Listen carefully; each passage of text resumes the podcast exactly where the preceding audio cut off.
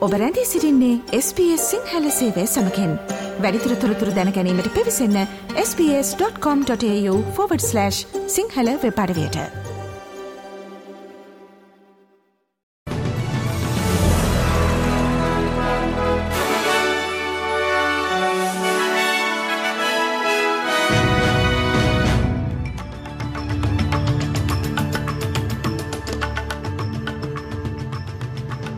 අද පෙබරවාරි විසි දෙක බ්‍රහස්පතිලා SBS සිංහල සේවයේ ප්‍රෘතිගෙනෙන මම දිනේශ් ලියනගේ. වික්ටෝරයා ප්‍රාන්තේ ඇතිවේ හැකි දරුණු කාලගුණික තත්ත්වයන් සඳහා හදිසි සේවා මේ වන විට සූදානම් වෙමින් සිටි. ලැවගිනි සහ කුණාටු හේතුවෙන් දේපල විනාශ වී ලක්ෂ පහක් පමණ නිවාස සහ ව්‍යාපාරවලට විදුලිය විසන්ද වී සතියකට පමණ පසු නැවතත් මෙසේ අවදානම් කාලගුණික තත්ත්වයක් අපේක්ෂා කෙරේ. බාලි විමේරා උතුර උතුරු මැද නිරිත දිග සහ මධ්‍යම ප්‍රදේශ සියල්ලම දැඩි ලැවගිනි අවධානමකට මුහුණදී ඇත. මේ හේතුවෙන් වික්ටෝරයානු ප්‍රදේශ හයක් සඳහා ටෝටල් ෆය බෑන් හෙවත් ගිනිදැල්වීම් හා ගිනිදැල්වීම ආශ්‍රිත ක්‍රියාකාරකම් සඳහා තහනමක් ප්‍රකාශයට පත් කර තිබේ. මේ අතර දකුණු ඔස්ට්‍රලියාව ටස්මේනියාව සහ බටහිර ඔස්ට්‍රලියාවේද ගිනි ගැනීම් සම්බන්ධව දැඩි අනතුරු ඇඟවීම් නිකුත් කර තිබේ. ඔස්ට්‍රලියාව තුළ වාර්ෂිකව වැටු වැඩවීම සියට හතර දශම දෙකක් වෙන ඉතා හොඳ මට්ටමක පවතින බව වාර්තාවේ. මෙයින් වැඩිවශයෙන්ම ප්‍රතිලාබ ලබන්නේ රාජ්‍ය සේවකයින් බව හෙළිවී තිබේ. පසුගිය වසරේ අඩුවාදායම් සහ රාජ්‍ය සහනාධාර ලබන අයගේ විශාල වැඩවීමක් දක්නට ලැබෙන බව සංඛ්‍යාලේකන කාර්යංශය පවසා සිටී. කෙසෙව්වත් ඔවුන්ගේ වැටුප් සියට පහයි දශම පහකින් ඉහළ ගොස් ඇති අතර මොවුන් විශාලතම වැටුප් වර්ධකයක් ලැබූ කණ්ඩෑම ලෙස වාර්තාවේ. ඉන් පසුව අධ්‍යාපන සහ පුහුණු කිරීම් ශේත්‍ර වැඩිම වැටුපවර්ධකයක් ලැබූ ශේත්‍රයන් ලෙස වාර්තාවේ. මූල්‍ය සහ රක්ෂණ ශේත්‍රයන් මෙහිදී අඩුම වැටුපවර්ධකයක් පෙන්නුම් කළ ශේත්‍ර ලෙස සටහන් වේ.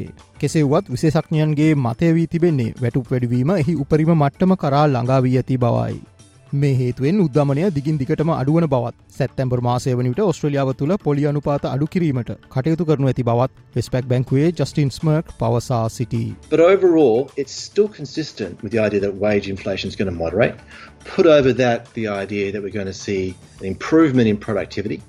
Um, that means that the pressure on that sector the RBA has been talking about, markets, goods and services, that pressure on that inflationary sector, which is the domestic side, which is the one the RBA targets, is actually going to be easing. මේ අතර ඔස්ට්‍රේලයානු නිවාස අර්බුදය තවදුරටත් ඉහළ යන බව වාර්තාවේ.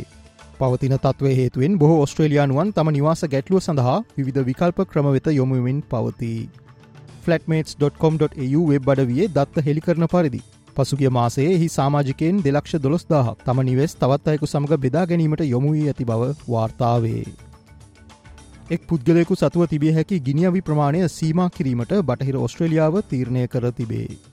මේ සම්බන්ධයෙන් දැඩි නීති හඳුන්වාදීමට බටහිර ඔස්ට්‍රලියාව කටයුතු කරන අතර මේ ආකාරයට සීමා පනවන පළමු ප්‍රාන්තය බවට ඔවුන් පත්වේ.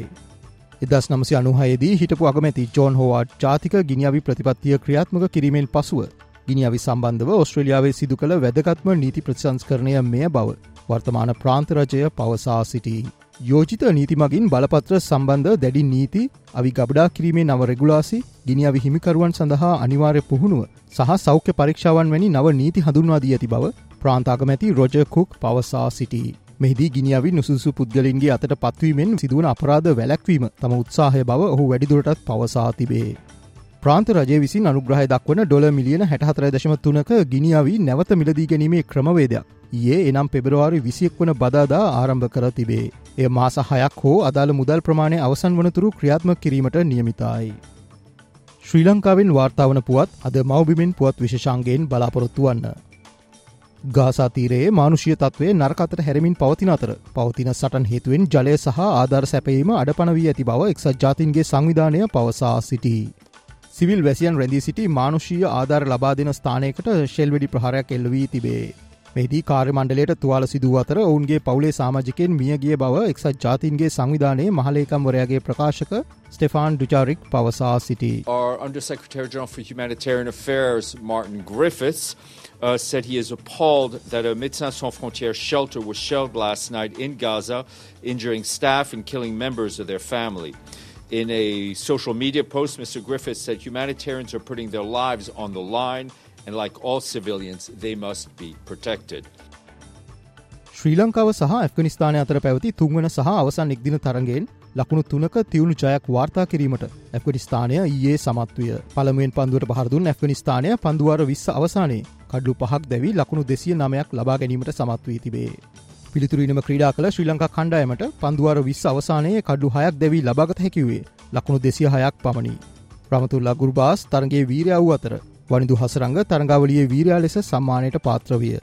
මෙහිදී තරඟ තුනකින් සමන්විත විස්සයි විස්ස තරඟවලිය දෙකට එකක් ලෙස ජයගැනීමට ශ්‍රී ලංකාව සමත්විය.